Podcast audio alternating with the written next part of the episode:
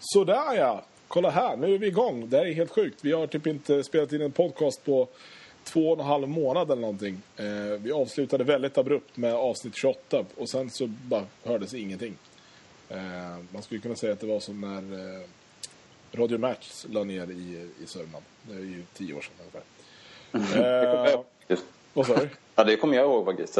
Gör det det? ja, Ja, det kanske är ännu längre sedan. Det var riktigt länge sedan. Men det här är, nu, vi, vi är på gång nu. Ja, jag tycker det. Jag kommer ihåg att Gnesta IK hade Radio Match som eh, sponsor på sina fotbollströjor. Just det. Bara en sån sak. Eh, det är alltså jag och Mauri som ni hör och sen har vi även Paul med oss. Jajamensan. Eh, så det är, man skulle kunna säga att det är den trion som tappade stafettpinnen som även plockar upp den igen då. Precis. Eh, om man vill vara lite så poetisk. Eh, vi, vi ska idag prata om, eh, om eh, Champions League och eh, sammanfatta den turneringen lite grann. Och sen så ska vi självklart även snacka om Sir Alex. Eh, vi lämnar Moyes för, för stunden i alla fall eh, i, i stora drag. Och eh, pratar bara om Sir Alex och vad han eh, har gjort och, och vad det kommer att märkas att han inte är kvar. Eh, podcasten hittar ni som vanligt på styrtfördämpare.se, på svenskafans.com, på iTunes och i RSS-flöden. Och även på unitedsverige.se, vilket icke ska förglömmas. Vi ligger där mitt under sidan ungefär, eller mitt på sidan. Och där ligger eh, direktlänkar då till Strut for Empire har jag förstått att det funkar så. Så det är väldigt kul. Vi når eh, ännu fler och jag tror att vi typ är på de två stora portalerna som finns för United-fans i Sverige, vilket är riktigt stort. Så att eh, med de eh, ja, ordningsreglerna sagda så rullar vi igång helt enkelt.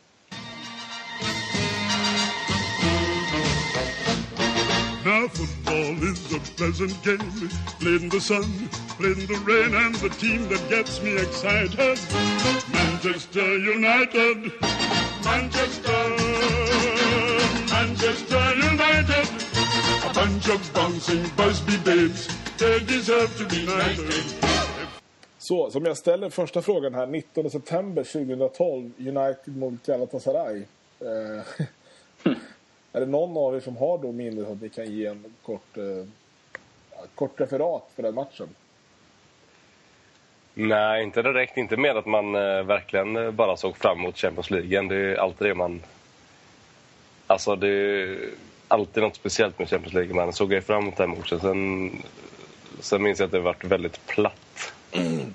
Ja, så. för jag tänker att vi, vi kanske ska börja där till och med. För att det var ju så att vi gick in i Champions League med ett kanske lite annorlunda läge mot vad vi brukar göra. Med tanke på ja, året dessförinnan, så att säga. Eh, vad tänkte du på då? Ja, men jag tänker att året innan så, så åkte vi ur i gruppspelet redan och det var ingen som egentligen trodde på United i Champions League i år. Ja, gick in för mycket för att bevisa väldigt mycket den här gången. Eh, på något sätt att visa att det var en engångsföreteelse och vi skulle liksom göra en typisk bounce back eller så. Studsa tillbaka liksom. Och Sir Alex skulle visa att han faktiskt kan det fortfarande. Och så där. Det, var, det tycker jag var speciellt när, när det drog igång.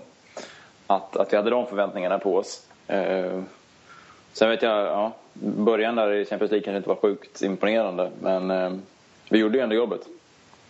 Jag tänkte snarare tvärtom, för jag vet att vi gjorde en likadan blunder om det var 2006, 2007. Vi åkte, nej, 2006 måste det ha varit. Vi åkte ut ur gruppen också. Eh, Det var väldigt länge sedan, men eh, så var det i alla fall. Ja, det måste ha varit innan vi gjorde den här 7-1-matchen mot Roma och det var 2007. Då i alla fall, eh, då gjorde vi också en sån där vi åkte ut i gruppen. Och eftersom att vi gjorde det förra året så tänkte jag att och med tanke på att vi fick in van Persie så tänkte jag att vi skulle vara toppkandidater faktiskt. Och det tycker jag att, även att det var. Desto längre turneringen gick. Men eh, jag tycker att det är lite sjukt att man förlorar första matcherna. Så de visar ju inte att de ville direkt. I början, det, det minns jag att det var riktigt dåligt go i den matchen. I Galatasaray, eh, matchen där. Ja, precis. Vi vann ju med 1-0 på. Vi fick stryk på bortaplan sen. Ja, just det. Det var så det var. Så. Eh, nej, men om man ser, det jag kommer ihåg var väl att eh, lite så att det var ju ingen flygande start på något sätt och, och eh, ganska så här tafatt eh, inställning på, på egentligen alla, alla håll. Ja, Och det var alla turneringar tyckte jag såg ut så. Liksom. Man, ja, och jag förväntade mig väl ändå lite mer av United. Att de ville, ville lite, alltså skulle vilja lite mer. Men, men det kändes som att man eh, inte riktigt tog det på så stort allvar som man skulle kunna. Tryggt. Jag, jag tyckte det var synd. Men eh, ja. Man ser på, på startuppställningen. Det, det har ju roterats ganska, ganska friskt under, under året kan man ju säga. Eh, men eh, de som startade den matchen var ja, det sker i målen, men han har ju varit ohotad hela året egentligen. Eh, Rafael högerback, eh, Evra vänster, Evans och Vidic eh, centralt. Alltså Mm. Ferdinand, Ferdinand var frisk och hel men satt på bänken. Mm. Eh, Valencia startade Carrick Scholes centralt. Mm. Nani till vänster och Kagawa och van Persie någonstans i släpande slash forwardroll. Mm. Eh, jag vet inte, det enda som är verkligen anmärkningsvärt där är väl kanske att Scholes faktiskt startade i Champions League i år. Ja, det är ganska anmärkningsvärt att han...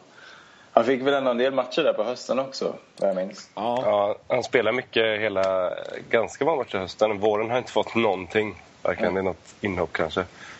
Ja, Typ. Han skulle bara ge en injektion liksom. Det var lite så det kändes. Det, ja. Man vill, jag, jag, I efterhand kan man väl tycka att det gjorde han ju ändå. Någonting tillförde han ju. Eh, med sin pondus framförallt kanske. absolut. Eh, men om eh, vi kollar på, på gruppen där. För det, det var ju så här, vi hade ju en, en ursäkta uttrycket, pissenkel grupp redan förra året. Och Mm. eh, även i år var det någon typ av rekord i, i bottenlag. Sen kan man säga om man vill om att ja, Galatasaray är så svåra borta och det är tufft och det är inga enkla matcher i Champions League och det ena med det tredje. Men eh, är det inte lite så här genant att vi egentligen bara tog uddamålssegrar förutom eh, Braga borta? Jo. Det kan man ju verkligen tycka, men eh, ja, det var väl Speglar lite... inte det säsongen lite? Jag tänkte precis säga det. Mm. Kändes verkligen så. Vi, vi lyckades klara det, men vi briljerade ju verkligen inte. Och lyste ju inte med, med stjärnglansen, om man ska säga. Någonsin nästan, under hösten i alla fall. Eh, verkligen inte, med tanke på den truppen vi har. Så, men det har vi inte gjort någon gång under hela säsongen. Det spelar ingen roll vilka vi mött om det är liksom QPR borta. Liksom, eller, så det har liksom inte spelat någon roll. Vi har ändå vunnit med udda mål. Mm. Ja, det är inte många matcher vi har vunnit med mer än, mer än tre. Liksom. Det, det finns ju inte på kartan. Eh, Efter Galatasaray så följde ju Cluj borta. Eh, Och det var en match som eh, faktiskt låg under med 1-0 i. Och sen så gjorde Van Persie sina två första Champions League-mål för, för United då. Eh, När eh, egentligen han vände matchen på, på eget håll, jag säga. Mm. Eh, Jag, jag kommer ihåg det som en fruktansvärd fotbollsmatch. Alltså det var liksom... Det var ett gytter av felpass och allmänt slarv och egentligen ingenting som, som verkade funka. Mm. Eh, vad som dessutom är intressant att till den matchen så var så gjordes det en del byten redan från den första omgången. Anderson kom in från start. Cleverly kom in från start. Fletcher kom in från start. Eh, och Ferdinand. Eh, och, och jag tänker att vi ska vila lite på Ferdinand, för det är ganska mycket snack om honom just nu. Eh, och hans, eh, hans eventuella fortsatta karriär nu. Vad, eh, vad, vad, vad tycker ni om, om honom? Nu, byter vi, nu lämnar vi liksom Champions League för, för en sekund. Men om vi bara tar Ferdinand och hans eh, eventuella kontrakt här nu. Hur mycket, är han, hur mycket är han värd och är han värd någonting överhuvudtaget? Han, eh, jag tycker han är värd allt. Det var, alltså han har varit så himla bra den här säsongen. Riktigt, riktigt vass alltså. Allting som har kommit, ut har, eller kommit in i straffområdet har flugit ut igen. Eh, Jag tycker han var riktigt vass. Och man ser verkligen att när Chris Smalling och John Evans spelar, återigen så hackar jag på de två, så spelar inte Ferdinand med så vet inte de vad de ska göra. Så det, det är bara... Ge han vad han vill ha. Han måste vara med. Bara Han har verkligen varit eh, fältherre på, i försvaret nu. I det här året. Jag tycker han kan ha varit lite, ja, man har haft lite problem med rygg och allt möjligt sånt tidigare. Liksom, har varit lite ojämn, inte kommit in i formen riktigt. Men han har ju kunnat få en sån kontinuitet. Och min känsla har varit i alla fall liksom, att han har verkligen kunnat spela ut det spel som han har i sig. Och nu har han inte fått spela så mycket landslagsspel ändå. Han kanske till och med tackat nej själv. Men nu säger han att han slutar med det. Ehm, så kan han fokusera på klubben, eller liksom klubbkarriären. Jag tror att absolut vill han kvar i United och det tror jag de fixar också. Något som är så viktigt också det är just att han är en spelande mittback också. För allt annat vi har är bara brytande mittbackar. Han kan ju faktiskt slå en passning som är 40 meter. Ja, nej, absolut. Så är det. så är det. Om, vi, om vi tar van Persie då och, och hans eh, Champions League-insats. Han gjorde, han gjorde sex matcher. Uh, han vilade väl de sista två tror jag när det var klart. Liksom. Eh, och på de matcherna gjorde han tre. Eh, däremot så ska man ju då lägga in att två av de målen kom just mot, mot Cluj borta. Så att vill man vara liksom djävulens advokat så gjorde han ett mål på fem matcher. Verkligen. Och lite synd att han inte fick sätta dit tre som jag tycker han borde gjort mot Real Madrid. För han hade så otroligt mycket lägen. Han hade verkligen mer att bevisa i den turneringen. Det kan jag säga. Ja, och då, då, då är frågan vad, eh, vad, vad, vad det betyder för liksom, han som... som eh, alltså det, det är ju inget snack om att det är en fruktansvärt bra forward. Killen joggar hem skytteligan mer eller mindre. Eh, sen att han slåss mot en kille som biter folk på en fotbollsplan, det är en annan sak. Eh, men men, men eh, det faktum att han inte levererar bättre i, levererade bättre i Champions League, är det någonting som man ska liksom, tänka på inför nästa år eller är det, är det bara en engångsföreteelse? Liksom? Jag tror att han kommer igång. Jag tror definitivt jag tror, Men han, han har ju spelat i Champions League tidigare så det är inte det. Men han... Eh, jag vet inte, det kändes ju som att det inte var så många som riktigt lyfte sig alls i Champions League. Eh, det var ju en Anders som gjorde tre mål också liksom, så det var ju... Det blev ju väldigt lite. Ja, jag vet inte. Jag, jag tror det var laginsatsen som gjorde kanske att han inte kom fram heller så mycket. Eh, så här spontant, känner jag. Um, så, men jag tror att man kan förvänta sig mycket mer från honom nästa år. Om man säger så. så Ja, absolut. För det, det handlar inte om att han, att han viker ner sig, för det gör han ju inte. Kolla vilka lag han ett mål mot förra året. Så sänkte han ju Liverpool eh, själv. Han eh, sänkte Chelsea själv med ett hattrick på Stamford Bridge. Mm. Han eh, målade mot United till och med på Old Trafford, trots att vi vann med 8-2. Men han viker inte ner sig mot stora lag. Så att det tycker inte jag är konstigt. Eller jag tycker inte man ska haka upp sig på att han är liksom viker ner sig i stora matcher. Däremot så kan man ju se individuellt på denna säsongen då att det här var riktigt pissigt liksom.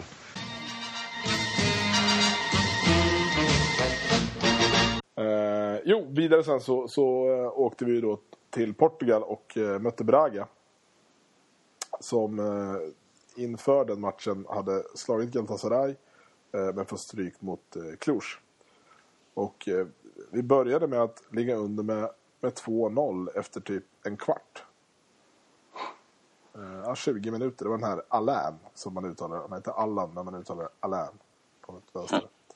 Eh, och det var ju lite så, som du var inne på Mauro, det var ju då eh, Hernandez hade sin kanske bästa kväll på hela säsongen.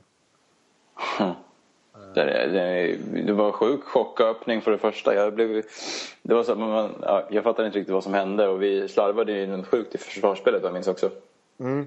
Ja, för det här var ju verkligen en, under den här perioden när det var som värst med de här tidiga insläppta målen. Mm, just det. Ja, just det. Hela tiden. Ja, det var helt galet och det höll ju i sig den där skiten. Det var ju liksom tre månader. Fram till jul. Ja, ända fram till jul. Det var helt galet. Och som tur var så lyckades vända, vända och vinna nästan alla matcher. Även den här. Men det var ju helt otroligt. Men kolla på vilka det var som startade matchen i backlinjen. Återigen, det är helt Buttner liksom. Ja, men visst var det då som även Carrick spelade mittback va, med Evans? Av någon Det är anledning. nog mycket, det är nog mycket möjligt. Och Evans ska inte vara på för han ska bara säljas. Ja, ja precis. Eh, jo, nej, men jag tror att det var så. För att eh, Ferdinand sitter på bänken, satt på bänken och eh, Carrick startade. Men, men jag är ganska säker på att det var så att Fletcher och Cleverley spelade in i mitt fält. Och Mm. eh, då Carrick spelade mittback. Och det har vi sett förut att han är ju ingen mittback. Nej. Oh nej. Framförallt inte med en nordirländsk Evans bredvid sig. Och Ellen Byttner på vänsterbacken. Ja, ah, exakt. Det var ju Det liksom inte mycket rätt där. Det var ju nästan som att be om problem så här i efterhand. Ja. Eh, men som sagt, Hernandez löste det på, på sedvanligt manér. Eh, var väl... Ja, Evans gjorde i och för sig mål på hörna där också, men, eh, men eh, Hernandez gjorde två inifrån målområdet. Eh, vilket, Som alltid. Som alltid, precis, för det är där han kan göra mål. Mm. Eh, vilket också är en egenskap. Eh, och sen efter, efter Braga där så följde, följde även Braga hemma då såklart, rimligtvis. Eftersom det vänder i den här fantastiska turneringen. Och eh, det var ju då Wayne Rooney någonstans eh, fick lite fart på, på sig själv. Eh, gjorde mål visserligen på straff, men eh, ändå, ändå. Så. Han hade torkat ett tag. Han var ju lite rätt kall där. Eh, Och om man ska bara snudda lite vid det ämnet så, så läste jag en intressant sak idag kring det här med om man ska sälja honom eller inte. och att det då fanns ett värde i att försöka sälja honom så tidigt som möjligt. För att sen när han kommer tillbaka från sommaren så är han alltid lönnfet, nedtränad och allmänt trasig. Just det. Mm, men han, han, var, han var inte bra i början på säsongen. Eller, målskörden var inte bra. Däremot så slog han ju herrans massa assist. Visst Ja. gjorde han det? Han, Ja. Eh, Allting till van Persie var ju han hela tiden. Precis. Så på det sättet var han ju bra, men han gjorde ju inga mål. Men det var väl egentligen en av de här matcherna man märkte hur, hur avgörande för Percy skulle kunna bli. För att, eh, från, från att han kom in då så, så gjorde vi ju två mål. Eh, nej, tre mål gjorde vi till och med. Alla kom från minut 80. Eh, och det var väl... Eh, ja, det var väl kanske tur då, kan man säga. Att vi hade honom att kasta in. Ja, precis. Den matchen skulle jag faktiskt vilja se i repris här i efterhand. För att vi spelade med Hernandez, Rooney och van Persie samtidigt. Mm. Vilket alltid är spännande. Evans fick gå av i 57. Mm. också notera. Det var det som han gjorde. När... Ungefär. Han orsakade säkert målet också. Ja. Sen åkte vi till, eh, till Turkiet och eh, blev välkomna till helvetet som man ju allt som oftast blir när man kommer till eh, Galatasaray. Eh, Och eh, Ali Sami Yenspor arenan. Men då var vi redan klara. Då var precis, vi var ju klara efter fyra, fyra matcher. Mm. Eh, och eh, ja, det vart lite rotationer kan man säga. Andersson fick ju starta igen. Powell startade, vilket ju säger någonting. Uh, Lindegard fick stå. Det var ju en, Jones kom in. Det var, det var en ganska liksom så här B-betonade lag som, som fick spela de sista två matcherna. Eh, och det, är ju, det kan man ju bara säga att det är väl en lyx att vi, vi har råd att göra så i en sån turnering. Ja, verkligen. Eh, sjukt, bred, sjukt bred trupp. Och mycket bra talanger, ska jag säga. Powell har jag inte sett så mycket av, jag ska inte uttala mig. Jag såg en del på försäsongen, men vi har ju i alla fall spelare som som är på väg att bli bra i alla fall. Ja, nej men det, det jag, jag kommer ihåg från, från hans match då var ju att det, det var inte så att han liksom sket ner sig. Killen är 18 år. Eh, det var inte så att han gick in och, och var livrädd för, för att spela Champions League och spela borta i Istanbul. Utan eh, han var ju till och med nära på att göra mål där och nicka i ribban och grejer. Mm, jag minns att han tog för sig jättemycket där. Alltså så. Det var, jag vet inte hur vi riktigt fick till det då, men han på slutet, sådär, sista avslutningen. Men, men han, han var verkligen alert, tyckte jag också. Det minns jag. Bortsett från då kanske Carrick och eh, Fletcher så var det en hyfsat, en hyfsat ungdomlig elva vi ställde på benen. Eh, det var Rafael, Jones, Anderson, Hernandez, Welbeck, Cleverly, Powell och Bittner då. Sen Carrick och, och Fletcher. Medelålder på 22. Ja, och sen kan man ju då, då får man ju avgöra om man vill säga att det var ett, eh, ett experiment som lyckades eller inte lyckades. Det beror man, man vill analysera. Det är ju sjukt många centrala mittfältare räknar jag där. Ja, det var På en gång. hyfsad. eh, ja. Vi hade, jag hade ändå ja, fem skott på mål. Nu hade vi för Galatasaray 13 då, så vi kanske inte ska låtsas som att vi var nära. Eh, Så det. Men eh, ja, den största chocken kom väl sen då i, i matchen mot Cluj hemma. Där vi fick stryk med 1-0. Jag minns att det var typ första gången på så här, jag vet inte hur många matcher vi fick stryk på Old Trafford i Champions League. Mm, just det. Det var väl lite, precis, man, man, det var en avvägning om man skulle skulle liksom vila spelare eller om man skulle hålla äran uppe. Liksom. Ja, precis. Och värda ut Ja. Men nu. Den matchen var riktigt röten och jag fattar inte. Jag har aldrig sett något lag vara så överlägset någonsin och inte vinna en match. Mm. Det var... Jo, det är möjligtvis Sverige mot Trinidad 2006.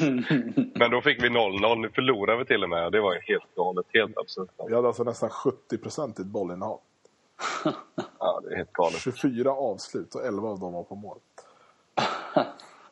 Just det. Ja, det, det är vansinne alltså. Fel avslutade skulle jag säga då. Ja, men precis.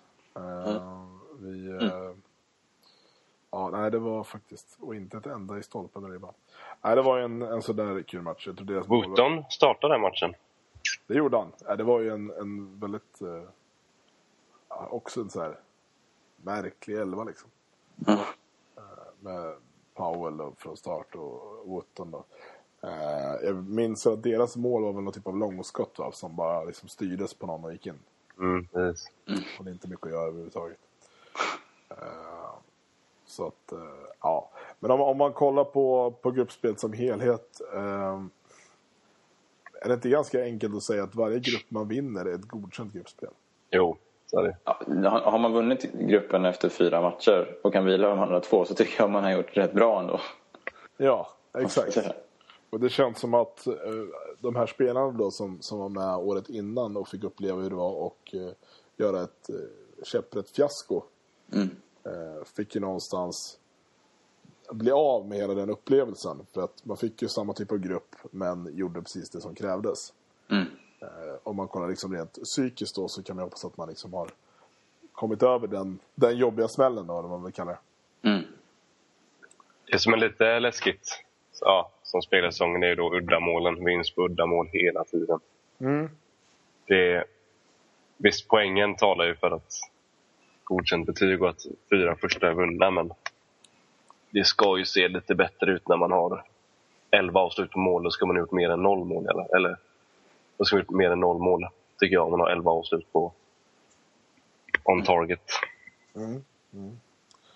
Eh, och sen då, sen var det ju då eh, uh, dags för lottning. Och då var det så att vi hade ju att möta Porto, uh, Milan, Real, Shakhtar Donetsk, Valencia, Celtic.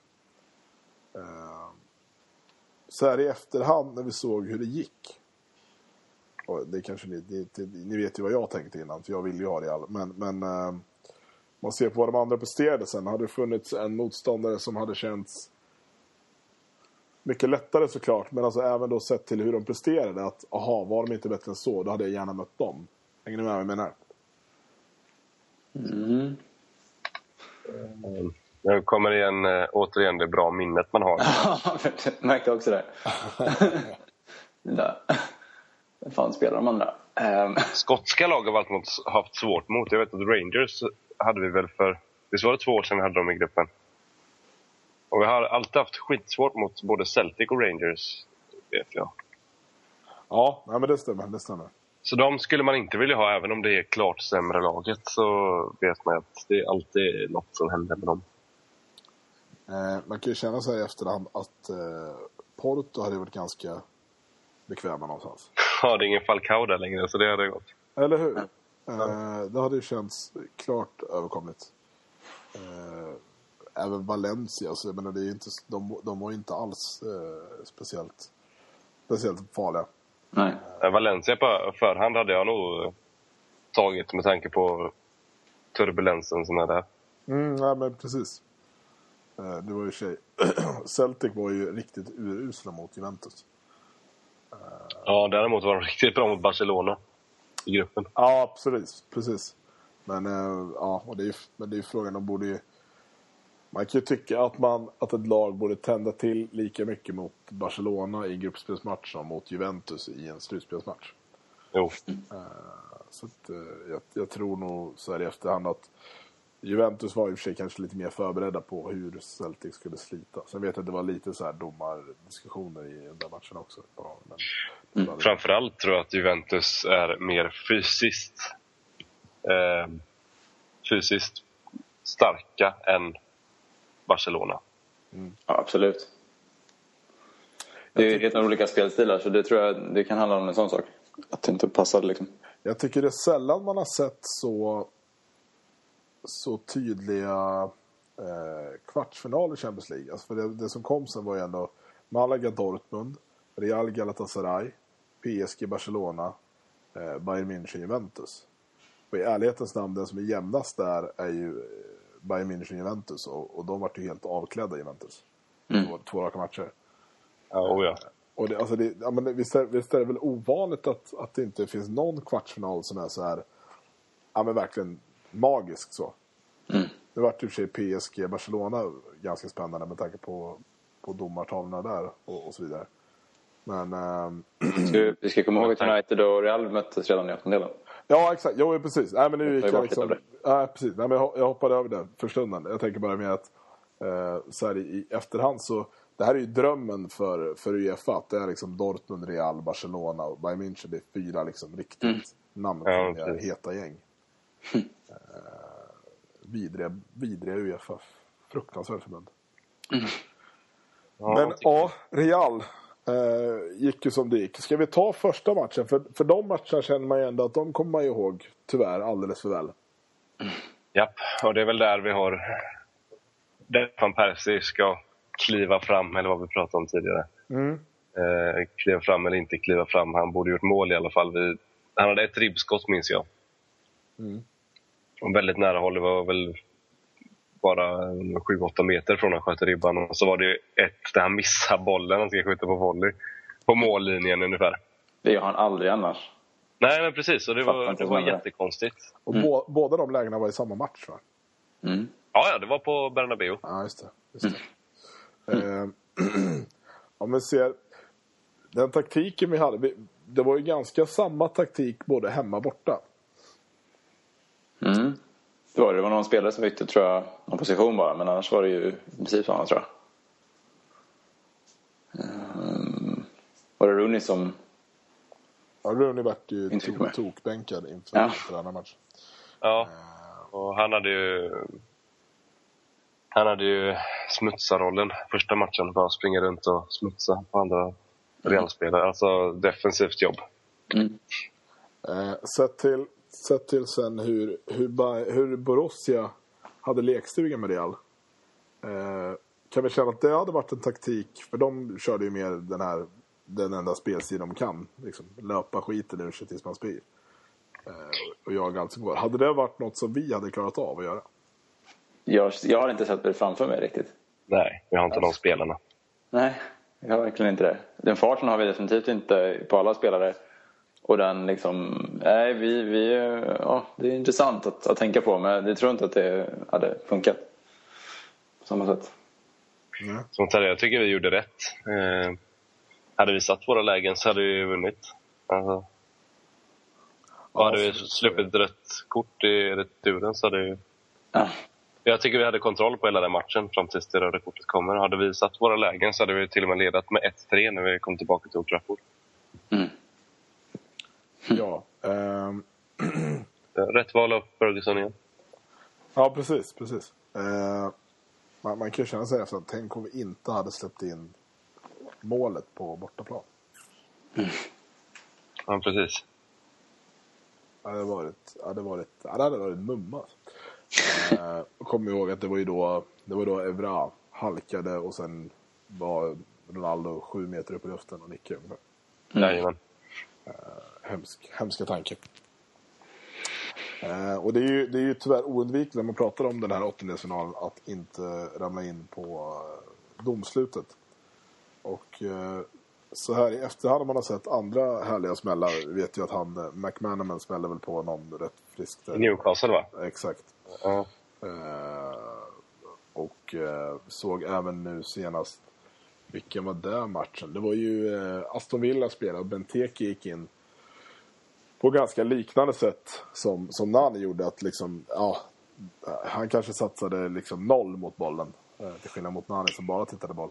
Eh, Benteke fick gult och eh, ja, i det läget var det hans andra gula, så åkte han ut i alla fall. Men visst lever vi fortfarande kvar i åsikten att eh, kortet är horribelt och felaktigt. Ja, alltså ska man dra i, i kontrast och dra paralleller med det kortet som är, eller det uteblivna kortet på McManaman, då skulle Nani nästan Först ska han få två straffar och så ska Arbeloa få fem röda kort. Liksom. Så illa är det, tycker jag. Om man då eh, anser att man ska frisläppa McManaman. Ja, och så här, så här eh, i efterhand är vi liksom... Är vi, är vi lika förbannade idag över det som hände eller kan man känna att eh, det var ett, ett sätt att åka ut på som man ändå kan leva med på grund av de sympatier man får från andra supportrar?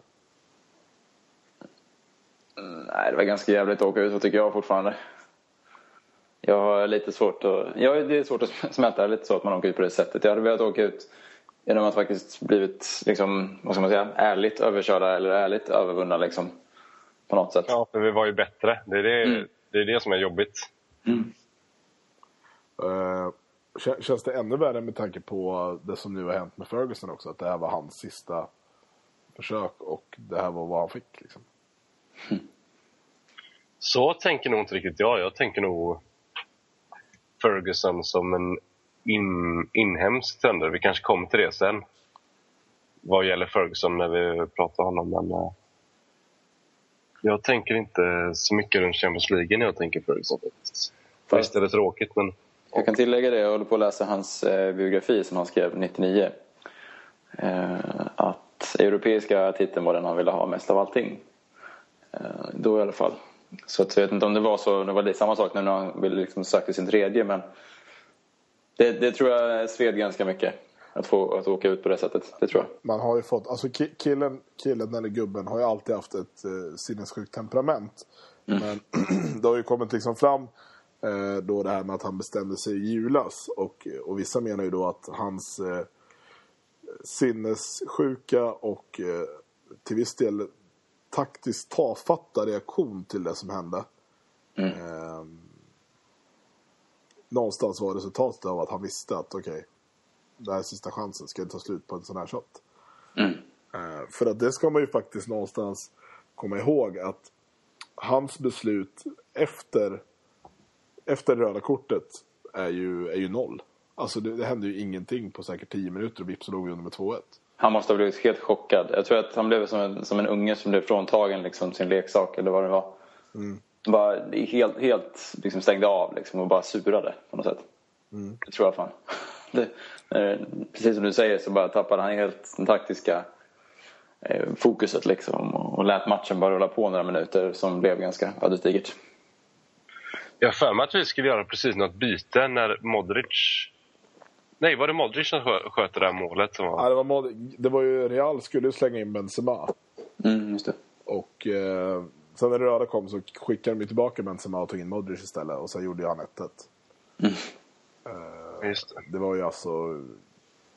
Ursäkta uttrycket, men det var ju fan genialiskt av, av Mourinho. Eh, Ja. Och det har vi hyllat honom för tidigare så det behöver vi inte göra så mycket mer med tanke på att han är på väg tillbaka till Chelsea snart. Eh, men... Eh, nej, men det, det, det Ferguson gjorde var väl att han, eh, han lät tiden gå som sagt. Eh, de gjorde 2-1. Vi behövde göra två mål till för att gå vidare. Eh, då gjorde han något byte med att ta in Valencia först tror jag. Och sen kom Rooney in sista liksom, jag vet inte, 10-12 minuterna. Det var väldigt märkligt. Ja. Eh, och eh, tyvärr så... så var lite Benitez-varning. det får du gärna utveckla faktiskt. Nej, han eh, var likadan. Eller i alla fall när han var i Liverpool. Jag, vet inte, jag har inte kollat så mycket på han i Chelsea, men då var det... Både han och Doug Leach när de var i Liverpool väntade alltid till 87 minuten och så rakt av lite. Mittback mot mittback. Yttermittfältare mot yttermittfältare. Det kvittar ju vad han än bytte liksom. Säger, Men så lite kändes match, eh, den här matchen. När Rooney... det, säger, det säger ju lite om någons kompetens när man är tränare i, eh, i Liverpool också. det går ju till en viss gräns liksom. Eh, och sett till att, eh, att Real fick eh, Galatasaray sen hade det inte gjort någonting om, eh, om vi hade gått vidare. För att det känns som att vi hade tagit Galatasaray. Eh, vi hade nog faktiskt i, mitt, eh, i, i min hjärna hade vi haft större chans mot Dortmund än vad, än vad Real hade också. Mm. Ni får gärna säga emot om ni tycker något annat. Men, eh, Jag försöker fundera lite på, på det scenariot. ja. Jag, jag tänker, okej, är- så här ska man, man ska ha klart för sig att, att eh, lag som springer mycket har ju passat oss väldigt illa genom åren. Eh, men grejen med, med Dortmund och Real är ju att båda de lagen någonstans springer ganska mycket. Eh, du, har, du har liksom en cyniskt eh, centralt mittfält med, med Xabi Alonso någonstans som någon typ av ledare som kanske inte löper mest av alla men Men, men sen har du de här andra forwards, eh, Ronaldo, Di Maria, alltså det är ju killar som verkligen jagar i 90. Mm. Eh, jag menar att ska man, eh, ska man plocka Dortmund så ska man ju spela egentligen precis som vi gjorde, gjorde mot Real. Eh, jävligt lågt, trångt och, eh, och sen bara kontra utav fan när det väl går. Taktiskt väl förberett liksom och, och genomtänkt. Exakt. Det hade, vi, ja, men det hade ju Ferguson lätt fixat till såklart. Det, det håller jag med om att det hade, hade haft liksom en fördel där. Eh, som en sån slipad liksom. Tränare och en sån smart, liksom, smart lag som verkligen kan anpassa sig efter situationen. Exakt. Så, Vilket- så egentligen skulle vi kunna liksom eh, slå fast här att eh, Kakir tog ifrån oss vår finalplats i Champions League. Ja, ja verkligen. Fatta den avslutningen om, om Ferguson hade fått möta Bayern München i en sista Champions League-match. Jag tror inte det har varit mycket kvar av United tyvärr, men det hade varit kul. Jag tänker liksom 99, han får ta sin tredje Champions League-titel mot det lag han tog den första. Ah, det hade varit coolt. Ja, det var coolt, men oddsen hade inte varit höga, tror. Eller hade varit skyhöga, men ja, för sig. ja, de är ju fruktansvärt bra. München. ja, de är helt galna. Eh, men om vi då ska bara liksom summera det här i siffror. Eh, betyg 1-10 på, på Uniteds Champions League-insats. 12-13. 1 till 10 sa du? Ja. Åh, Och då ska man ju tänka på sin egen insats. Vad man gjorde av den situationen som uppstod. Också. gruppspelet får jag ge dem, om man ska dela upp det i någon sorts av epoker här då. Så gruppspelsepoken får jag väl ge dem en 8 av 10 för han vann fyra första och så han lufta spelare så det är snyggt gjort.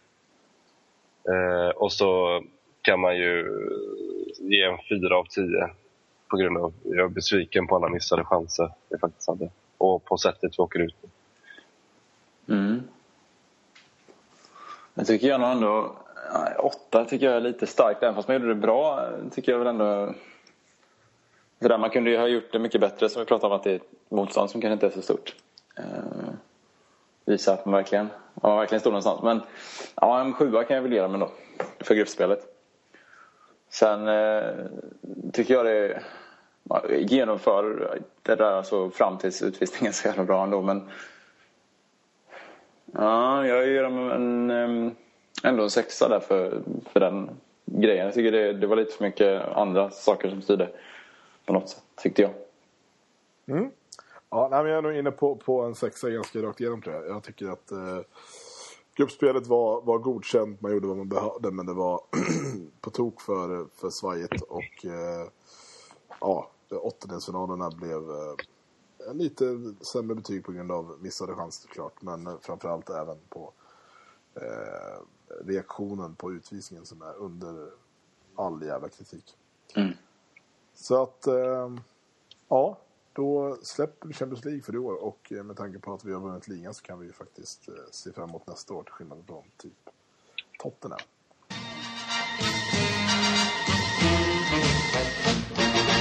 Så, men eh, jag tänker att vi kanske ska eh, plocka upp Rooney-pucken här lite.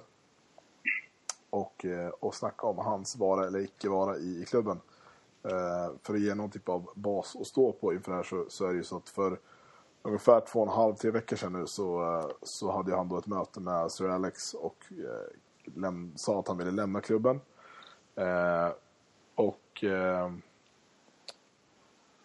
det här, det här, i, I det läget så visste ju inte Rooney om att, att Sir Alex skulle sluta och eh, nu sa berättade ju då Sir Alex för alla i hela pressen att det faktiskt var så att han hade berättat det här. Eh, så att egentligen första frågan ska vi inte, vi ska inte ta den största frågan direkt, vi ska ta en lite mindre. Vad tror vi att Sir Alex avsked eh, betyder för Wayne Rooneys vilja att stanna eller inte stanna? Det kan i så fall ha att göra med vem som kommer efter honom, som sagt. Eh, Moyes som han ändå har jobbat med tidigare. Ehm, kan jag tänka positivt, även fast de har haft lite duster och sådär, så tror jag ändå att det, det är positivt till att eh, liksom, han kan få Rooney att, att stanna. Men det faktum att Sir Alex slutar, hade det varit någon annan som hade kommit efter så vet jag inte om det hade varit lika stor chans att han stannar. Så känner väl jag. Att, eh, att det beror på vem som kommer efter liksom. Min eh, känsla är att han är trött på klubben överhuvudtaget. Mhm. Mm. Eh, Det är, så känner jag i alla fall. Ja, för, för det har man ju inte riktigt fått klart för sig egentligen varför han vill lämna. Nej, han säger aldrig det. Han, jag förmodar att bara att han vill prova på något nytt. För Det kan inte ha med pengar att göra. Han kan inte tjäna mer pengar någon annanstans riktigt. Nej, så pass han, bra kontrakt har han ju. Så att han det, har det ju- handlar om något helt annat. Han, Han kommer inte komma undan eller något sånt där kanske? nej, han har ju någonstans 300 000 pund i veckan. Ja. Han är nog bättre betalda i världen det är han. Ja, men han ligger väl topp top 5, topp 10 där någonstans. Eh, det är väl han och Yahya Touré som av någon jävla anledning har sinnessjukt betalt i, i ligan till exempel. Uh, nej, men jag tycker att det är intressant eh, just, just det här med, med Fergusons inte vara kvar i klubben uh, resonemang. För jag tror att jag tror någonstans han känner att han uh, har liksom fått han, han gillar inte den här nya rollen han har fått. Eh, för det, det är fascinerande att tänka på att han då för tre år sedan, ganska exakt, eh, också bad om att få lämna klubben för att United inte verkade satsa ordentligt. Eh, han köptes kvar, mer eller mindre. Det var ju liksom inget som han hymlade med, utan det var ju det fetaste kontrakt United hade skrivit och det frångick alla löneprinciper som fanns. Eh, och sen så då när man väl satsar ordentligt genom att värva van Persie, det gör ju det att Rooney någonstans hamnar lite i skuggan. Mig- Dubbelmoral på killen helt enkelt. Ja, så är det absolut. Och för mig så tycker jag han någonstans har valt att hamna där själv. För att, alltså rent fotbollskompetensmässigt så, tycker jag väl ändå att Rooney kanske besitter en bredare repertoar just i hans spel längre bak i planen. För Persie är ju en anfallare och det är liksom det, är det han är. Eh, men- Men Rooney har någonstans accepterat att bara, jaha okej, nej, men nu är han där. Ja, nej, men då är det som det är. Jag fattar inte vad han gnäller över. Som jag har förstått, som jag uppfattat det, vad man har läst och sådär, så har han varit sur över de här, att han varit petad mot Real Madrid och han blivit utbytt några gånger, bland annat mot Arsenal nu på Emirates vart han utbytt. Och, han har blivit utbytt och undanskuffad i stora matcher, men det handlar om att han, det handlar om att han inte presterar. Tycker jag i alla fall. Jag tycker inte han har varit på samma nivå. Jag menar, han spelade ju på topp hela, fram till jul och gjorde ingenting. Så han har också fått sin chans. Det är inte det att han, att han inte haft sina chanser. Nej, vi ju säga det. Han hade ju ändå då assistligan att luta sig mot ganska länge. Eh, han har ändå då stängt dit 16 mål i år, vilket är ju, ja, det är okej. Okay. Å andra sidan har Hernandez stängt dit 17 på vad jag spontant känner är mycket mindre speltid. Eh, men sen hade ju då Wayne Rooney satt ja, 14 ass än så länge då. Eh, nu är han ju omsprungen i den tabellen också av van Persie som, som tangerade men har 14 bara i ligan till och med. Eh, det känns som han har satt sig själv på en jävligt hög häst, ramlat av den och sen inte riktigt känner att han orkar komma upp. Mm, tar den enkla vägen ut ja. Exakt. Mm. Så ska man ha klart för sig, han har ju ändå varit i klubben sedan vadå, 2005? Något sånt va? Mm. En stund. Ja, det är ju 2004. 2004. Han kom året efter Ronaldo. Just det. Eh, Och det är klart att det är, det är jävligt länge för en klubb. Men, men å andra sidan så, den här killen är ju typiskt engelsman. Alltså han är ju så engelsk så att liksom, man kan inte bli mer engelsk än vad han är. Mm. Och ehm, att då tro någonstans att han så här ska få det bättre i England och i någon annan klubb. Nej, men då, då är det ju bara att han vill liksom leka playboy och att det inte tillåts riktigt i, i United. Men vart, vart tror han att han ska gå då? Ja, men det är också en intressant. Vart, vart, eh, vart kan man tänka sig att han ska gå? Han har, sist så var han ju liksom, det var ju aktuellt med City. Alltså, så mycket rykten som det var kring det tillsammans med att han faktiskt lämnade in en transfer, liksom, förfrågan. Eh, det, det, det, det, det fanns någonting där. Jag tror att hans agent hade, liksom, hade ett färdigt kontrakt från City. Eh, Och att United helt enkelt valde att matcha det eh, rent ekonomiskt. Ja, för Italien, de har inte de pengarna att betala hans lön. För han kommer inte gå ner i lön. Det finns inte en chans. Nej, nej, nej. Det har han inte råd med heller tror jag. Spanien, PSG är en alldeles för liten... Eh... klubb på något han sätt. vill nog inte gå PSG till är franska liksom- ligan. Det är för liten Nej, liga. Bayern München behöver inte ens en spelare och han går inte till en mindre klubb än Nej. Bayern München i Tyskland. Spanien, vem ska han peta där centralt? Messi? Ah, tveksamt va? Nej, de har, Det är hans spelstil. Alltså det, Ja, fin- det, det finns väl egentligen liksom eh, en handfull klubbar som kan betala. Det är Chelsea, City, PSG, eh, Real och eh, Bayern München som jag ser det.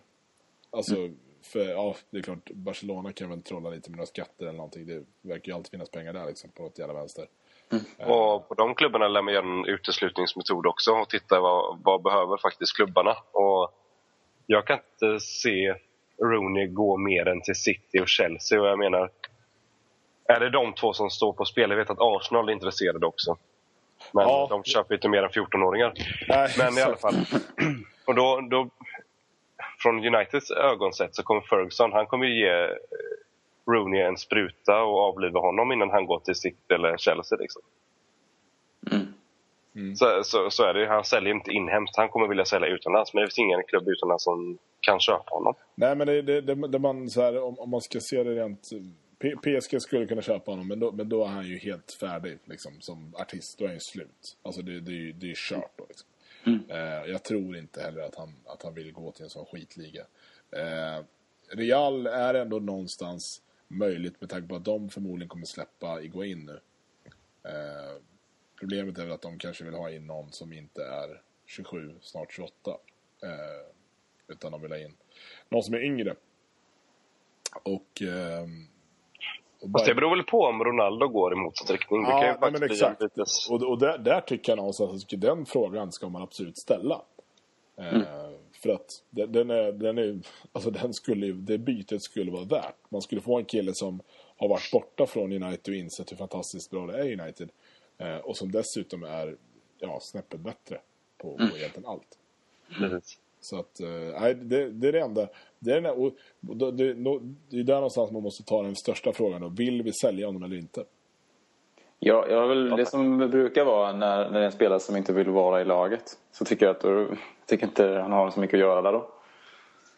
Han Jag tycker han har svinat sig för mycket redan. Ja, Han spelar ju inte för att han vill spela. Han spelar för att han har ett stort lönekuvert. Mm. Det, jag tycker det är ganska tydligt. Så det är, en, det är ett, ett rungande ja på sälj, sälj Wayne Jag tycker det. Han har ingen... Jag har inga känslor kvar för den grabben. Det är liksom... Han har pissat på klubben två gånger. Det kan man inte göra. Funkar inte. Det var svårt att plåstra om såren efter första gången, men nu är det liksom... Nej. Nej. Det spelar ingen roll om man liksom är bäst någonsin i världen. Man kan inte göra så mot, mot en klubb. Det, det, det går liksom inte. Han, är ju, han, han framställer sig ju själv här som, som den bortskämda snorungen som fått allt men ändå inte är nöjd. Han, det, hans PR-folk kan ju inte vara jättenöjda. nej, Och exakt. Och det där är ju också jävligt intressant. Alltså, varför säger inte folk till honom? Alltså, liksom, du hade din chans. Nu vet vi att han har en, en horribel agent i, i Paul Stretford. Eh, men jag menar någonstans så kanske, nu vet jag att Wayne Rooney är rätt ointelligent. Men, men någonstans borde ju han också fatta att okej, det här kommer inte se speciellt bra ut. Han måste ha PR-människor. Jag menar, killen är inte kontrakterad av Nike. Alltså det är, han har ju förmodligen de bästa PR-människor du kan ha. Mm. Och där måste det funnits någon som sagt till honom att så här, det här lirar liksom inte. Nej, jag vet. Jag vet inte vad han, eh, vad han tänker med. Eller om han tänker alls själv. Jag tror faktiskt inte han gör det. Hans ego är alldeles för stort, har har jag uppfattat flera gånger. Liksom, han, han lyssnar inte på det, eller han, han låter det vara, rinner bara av honom och så fortsätter han köra sitt race liksom, på något sätt. Det är lite... Kommer från gatan och ska hävda sig ungefär. Och eh, så, som vanligt då, om, om, eh, om det här blir en, en lång eh, jävla saga över hela sommaren eh, och, och vi står där i augusti och, och Karn är kvar men det är fortfarande lite osäkert på om han ska vara kvar eller inte. Om han då går in första två matcherna, man, man brukar väl hinna spela typ ett par matcher innan, innan fönstret stänger va? Ja, två eller tre stycken tror jag man hinner med. Ja, Berbatov var ju med i början av säsongen, men sen försvann han. Eh, om han går in och, eh, och faktiskt är i kanonform, eh, ser jävligt taggad ut och eh, har ett bra psyke med sig, är han liksom, kan man acceptera att han är kvar eller kommer man fortfarande tycka att Karn ska försvinna om man buar likt man gjorde som nu under firandet och paraderna? Det är klart man kan ha kvar han, hans, för att han är bra, men han ska ju finna sig på bänken varenda match. Från startpunkt. Alltså, Ja. Då tar man ju hellre in en, i hans nya roll då. Då kör jag hellre med eh, Kagawa i sådana fall. Hela tiden. Ja. Än att använda Rooney. Det var, det, var, det var någon som sk- skrev att vi skulle, vi skulle låta honom sitta på bänken, tvångsfylla honom med skräpmat och öl. Så att karln blev fet som den big fat cunt that is, om man ska citera ordagrant. Det är också en, en lösning. Eh, vi får se vad det blir av eh, Wayne Rooney, men vi är väl, eh, det råder hyfsad konsensus här kring vart han ska ta vägen.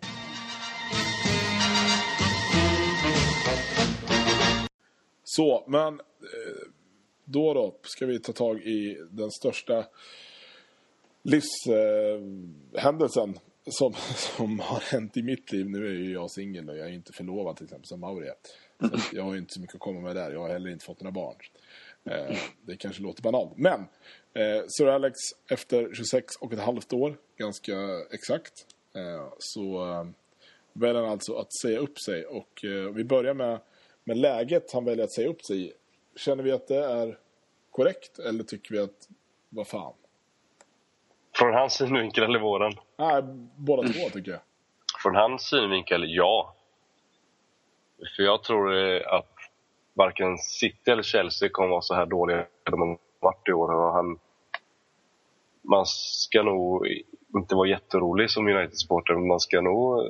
Vi kommer inte springa hem ligan lika lätt. Och ur hans synvinkel så har han... Han har slutat, slutat liksom, on top. Jag menar, det kanske dröjer två, tre år innan United vinner ligan igen. Och då, är han, då kommer han alltså vara 75. Så länge orkar inte han hålla ut. Så ur hans synvinkel, ja. Men ur min synvinkel, det vill han i tusen år till. Men om, men, men om, vi, om vi plockar just den, har han i tusen år till. Eh, vi, vi vet ju alla att allting har ett slut. Har, har man någonstans överhuvudtaget kunnat förbereda sig på att det här kommer ske? Jag hade inte det. Jag hade inte, jag, precis som, som Paul, Paul är inne på, att man hade önskat att han kunde kört på hur länge som helst. Och därför tänkte man också att det kommer han väl göra då. Han, säger, han har sagt några gånger att så länge hälsan sådär, är med mig så tänker jag fortsätta. Och nu var det väl lite så, han behövde någon höft, höftoperation och lite sånt liksom. Så kanske det är att han, han liksom fick en påminnelse om att hans kropp kanske inte heller riktigt vill det här längre. Hans blodtryck måste ju vara oerhört högt. På matchen. Ja, absolut. Sen måste man faktiskt beundra honom för det han berättar om eh, sin svägerska. För det var ju så att Kattis, så Katty Ferguson, hennes syster hade gått bort. Eh, och att det någonstans var väckarklocka för att det kanske inte finns, finns så mycket tid kvar man måste spendera. Och han ville resa jorden runt med, med sin fru och sådär. Eh, så det, jag kände lite när jag läste de grejerna att eh, en man som, som är så otroligt stor just blev snäppet, snäppet större. Han prioriterar rätt saker. Ja, det får man faktiskt, faktiskt ge han. Uh, har han gett oss 26 år av sitt liv så kan man tycka att då kan vi ge honom, ge honom den i alla fall. Men om man ska återgå till det här förbereda sig. Det är klart man kan förbereda sig. Jag har tänkt där att ja, men nu i år så kommer han säga att han ska sluta de senaste fyra och fem åren. Efter Champions League här trodde jag absolut att han skulle sluta. Det var, det var ganska... Jag var ganska säker på det, men det har inte kommit. Och jag har varit förberedd, men vad ska man göra? Så? Du, du blir liksom inte bättre för det. Att man är förberedd. Det är lika jobbigt för det. Jag tycker att man faktiskt, eh, just Champions League-ögonblicket där, så var det första gången jag verkligen såg honom så, så gammal. Alltså jag har aldrig, jag har aldrig jag, det är klart man har sett honom, just i förluster så brukar han ju se väldigt gammal ut. Men just den här Champions League-ögonblicket som blev i år, lite då med tanke på den chocken som blev för honom att det där hände. Eh, men, men det var liksom första gången jag verkligen såg att, dra åt helvete, karln är ju verkligen 71 bast liksom. Eh, Men det är tungt. Det, det är konstigt. eh, Och, och jag menar, ingen av oss minns ju United utan, utan Sir Alex. Nej. Det, han har definierat den klubben och definierat det varumärket. Det, det är egentligen helt sjukt att man ska få se United utan det. Det ska bli, ja, när man tänker på det, det ska bli sjukt spännande samtidigt. Ja, precis. Det är så man får se det. Att det ska bli riktigt, riktigt kul att se vad som komma ska. För jag tror att det kan bli riktigt, riktigt bra det också. Jag tror verkligen Var det David Gill som skulle sluta också nu? Ja, det var ju Ja. klart sedan tidigare. Han ska ju in i, i styrelsen i Mm. FA. Eller han ska, han ska bli någon typ av ordförande eller liknande där va? Ja, men just den kombinationen att att det byts liksom både tränare och... Men det tror jag är bra. Mm. tror, för att annars är det lätt att det blir så att man, man har en invalda spår som man spär till att den nästa liksom fortsätter gå i dem. Mm. Eh, lite så jag känner. Men, men det jag också imponeras av är det faktum att eh, ingenting kom ut förrän kvällen innan, natten innan. egentligen, när Daily Telegraph rapporterade från, från den här fantastiska golftävlingen som de kör en gång om året. Eh, och det måste man någonstans ge cred. Jag, menar, jag, jag tänkte ju först, när det blev officiellt så tänkte jag okej, men det här har man vetat om under en längre tid med tanke på liksom, ja, men läktaren döptes om, han fick sin staty och hela den grejen. Mm. Men, men det verkar ju som att det det är bara han som har vetat om det. Han har förmodligen inte, eller han har förmodligen liksom bestämt sig för att släppa det ganska snabbt. Eller sådär, det gick ganska kort tid efter att han bestämt sig förmodligen. Liksom, att det var ganska nyligen säkert. Att det liksom var såhär, nej men vad fan, jag slutar liksom. Nej, fast vad jag förstod det som att han har bestämt sig i julas någon gång. Alltså, Ja, han eh, sa väl det själv att han hade bestämt sig i julas. Ja. Då, fan. då måste man ge det att det är, och det är just det är där man menar då att det, Ja. det var i det läget han visste att det här var hans sista chans i Champions League. Ja. Ja, och därför hans reaktion. Men, men det, det är där jag menar att det, han har ju förmodligen bara berättat det här för sin fru. Mm. Och han, jo, det var ju så det stod. Han har berättat för sin fru och för ett av sina barn. Så man undrar hur de andra barnen kände. Eh, Men nej, det, det var ju ganska kul att se. Jag satt och kollade på så här live-rapportering från som Sky Sport körde. När de eh, eh, intervjuade hur man nu uttalar Roine Mulenstein. Eller någonting sånt. Eh, Uniteds assisterande coach där. Och, och han såg ungefär lika förvånad ut som alla andra. I bilen på uppställningen. Så att, nej, det, det gjorde han ju eh, jäkligt snyggt. Och eh, det fascinerande som jag tycker dock, om man ser till reaktionerna på, på, um, på nätet och framförallt, det är ju huruvida... Man, man, man väljer ju två läger här liksom. Jag menar, alla United-supportrar hamnar ju automatiskt i hyllningsfacket. Och det, är- det är en ganska ointressant diskussion, för den, det är ju den enda, den enda rimliga vägen. Men sen finns det då övriga fotbollsvärlden. Och då sitter det människor som på riktigt känner att så här, åh vad skönt, det här är sista chansen jag får spy ut all skit över den här karln. Hur fan är man, är man funtad då liksom? Nej, det är, åh, herregud, är det sant? Alltså att, ja, jag blir det, bara var, det, trött. nej, det var så mycket skit som skrevs så jag höll på att bli galen. Jag vet att den här... På, på svenska fans eller Ja, överlag?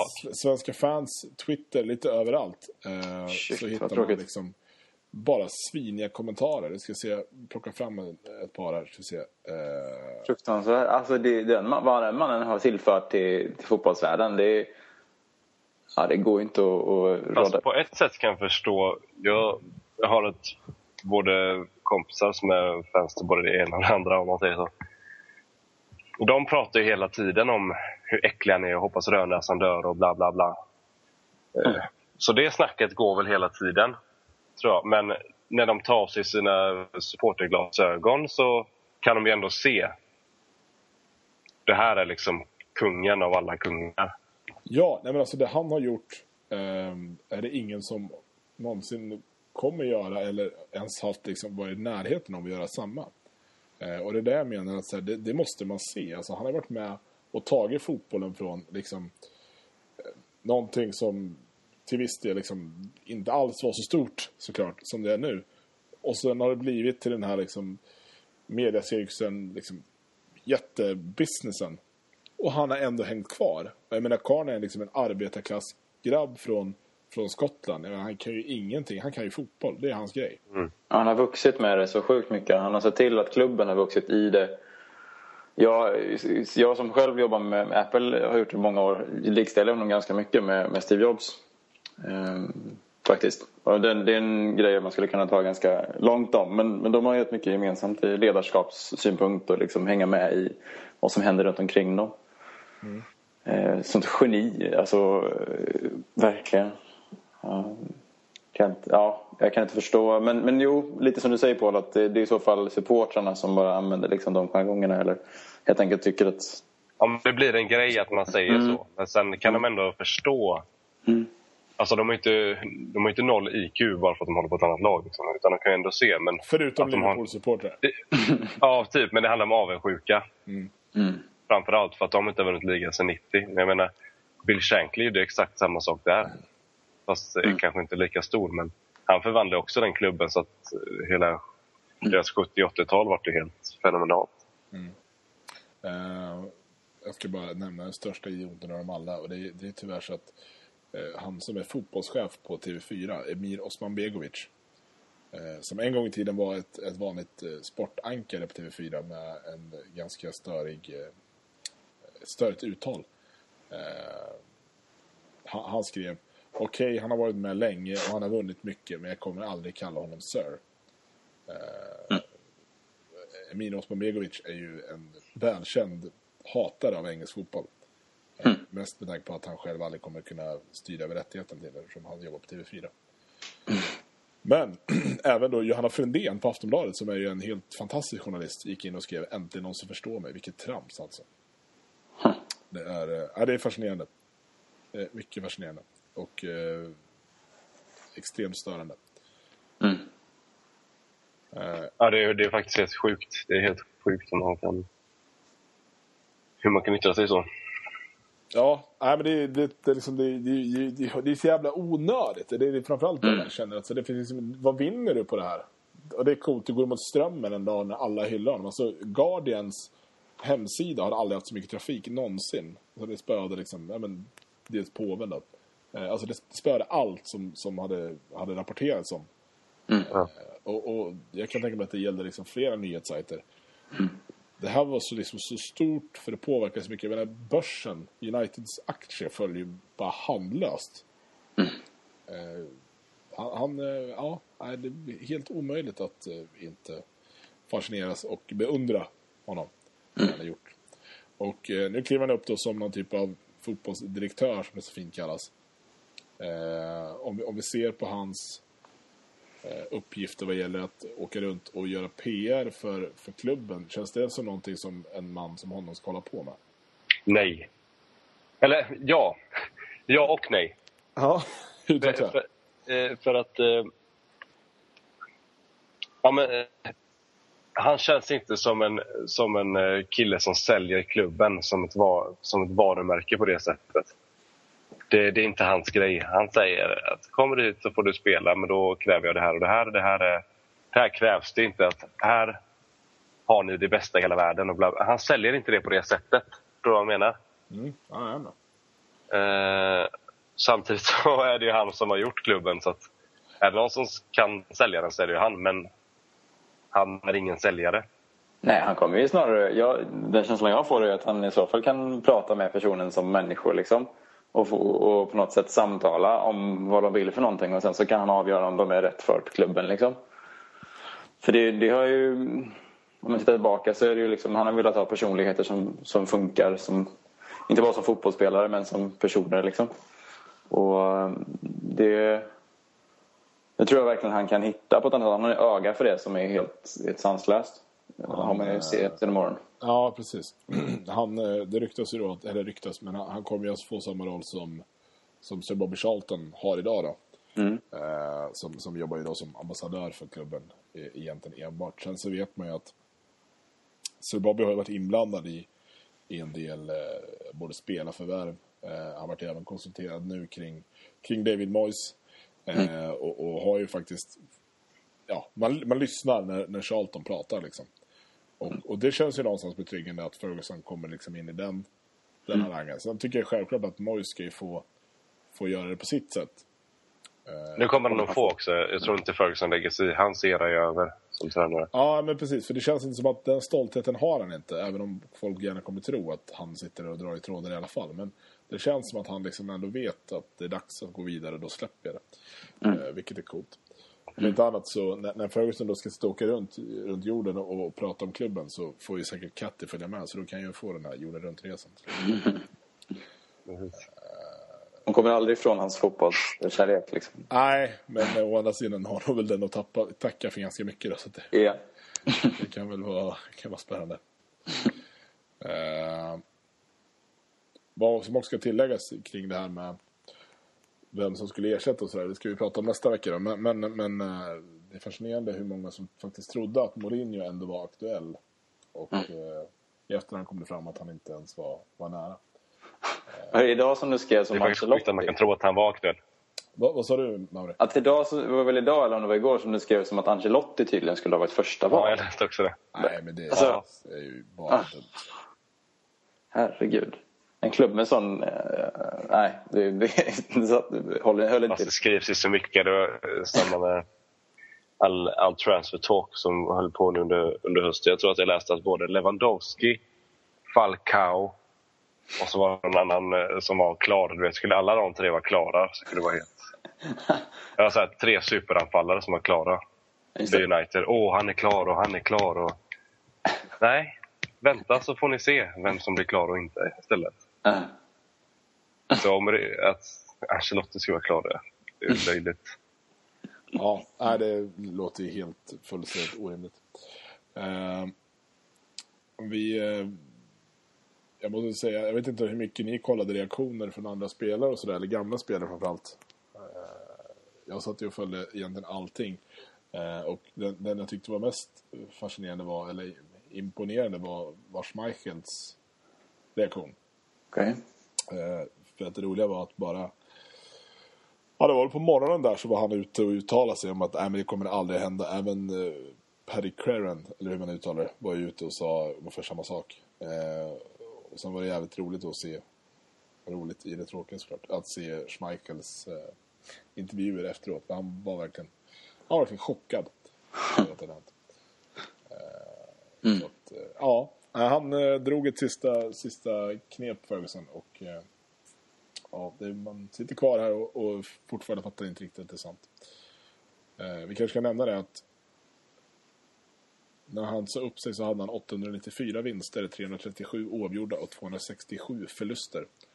Eh, jag tror att han hade någon sån Det är helt sjukt. ja, men jag tror att han han hade någon vinstprocent typ 60, alltså det är helt galet liksom. Eh, så att ja, nej, det är eh, med sorg och eh, ja, tungt hjärta som vi tackar honom för, för allt det han har gjort. Eh, Det jobbiga när man sitter och läser alla texter, och jag har ju även gett mig på det själv, det är att det går liksom inte att, att skriva eller beskriva i ord i, liksom muntligt hur mycket han faktiskt eh, betyder. Nej. Vilket är eh, kanske ett betyg om något. Mm. Ja, en sån stor... Stor, eh, vad ska man säga? Eh, innovatör inom fotbollen på något sätt. Eller så här, Ska han... eh, Ja, nej precis. Vad fan ska man säga? Nej, det går Ja, men det går Nej, inte att säga något. Jag menar, det, Mm. Visst, det är jätteklyschigt att säga att det fin, finns inga ord och sådär, men det är sant. Det, det är helt sant. Det går inte att säga någonting. Mm. Kolla bara på hur stor klubben är. Det, från little scratch. Det, det, det går inte att beskriva. Vi eh, kan ju bara liksom eh, någonstans försöka sammanfatta. Han har tagit 13 Premier League-titlar. Eh, fem FA-cuptitlar. Fyra ligacuptitlar. Charity Shield, som ju vissa kallar eh, en, en låtsastitel, ja, den har han tagit 10 av. Vunnit Champions League två gånger. Cupvinnarcupen en gång. Eh, Supercupen en gång. Interkontinentalcupen en gång och sen även då klubblags-VM en gång. Eh, du vet den här turneringen som Chelsea inte klarade av att vinna fast man absolut ska vinna när man vunnit Champions League. Eh, antalet egna meriter är, den listan är för lång så den går liksom inte att dra igenom. Men eh, han är ju som sagt adlad sedan 99 och eh, nu är det ju ryktas, ryktas det om att han även ska få titeln Lord och skillnaden däremellan kan jag inte. Så att, det tänker jag inte försöka ge mig in på. Han, är inte, han blir inte kung snart då? Eh, nej, ty tyvärr inte. Nej, så kommer han inte? Så är det. om om man snackar reaktioner så twittrade ju eh, vad heter han? David Cameron ut att eh, ja, han hyllade honom lite kort men sen sa han att nu kanske mitt lag har lite större chans. Det var Aston Villa. Eh, och det kan jag tro.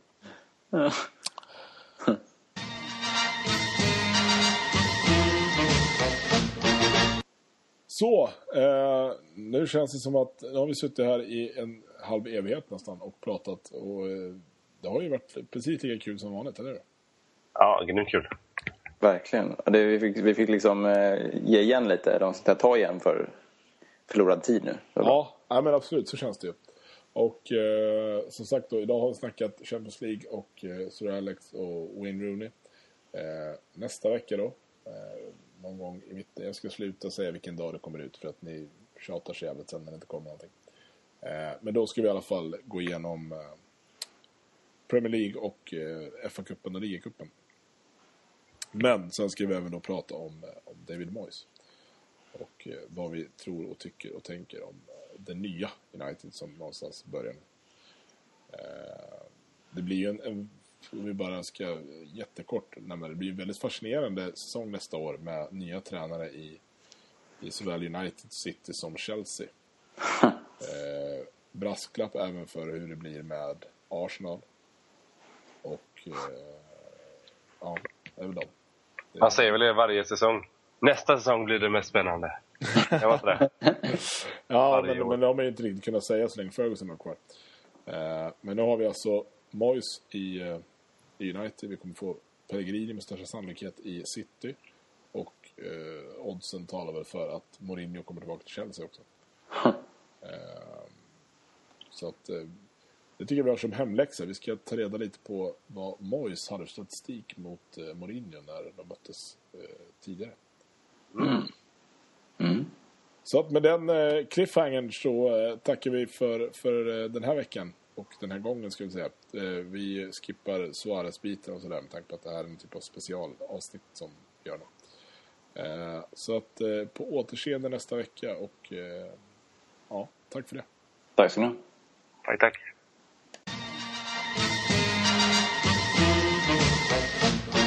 Now football is a pleasant game, played in the sun, played in the rain, and the team that gets me excited, Manchester United, Manchester, Manchester United, a bunch of bouncing Busby babes, they deserve to be knighted.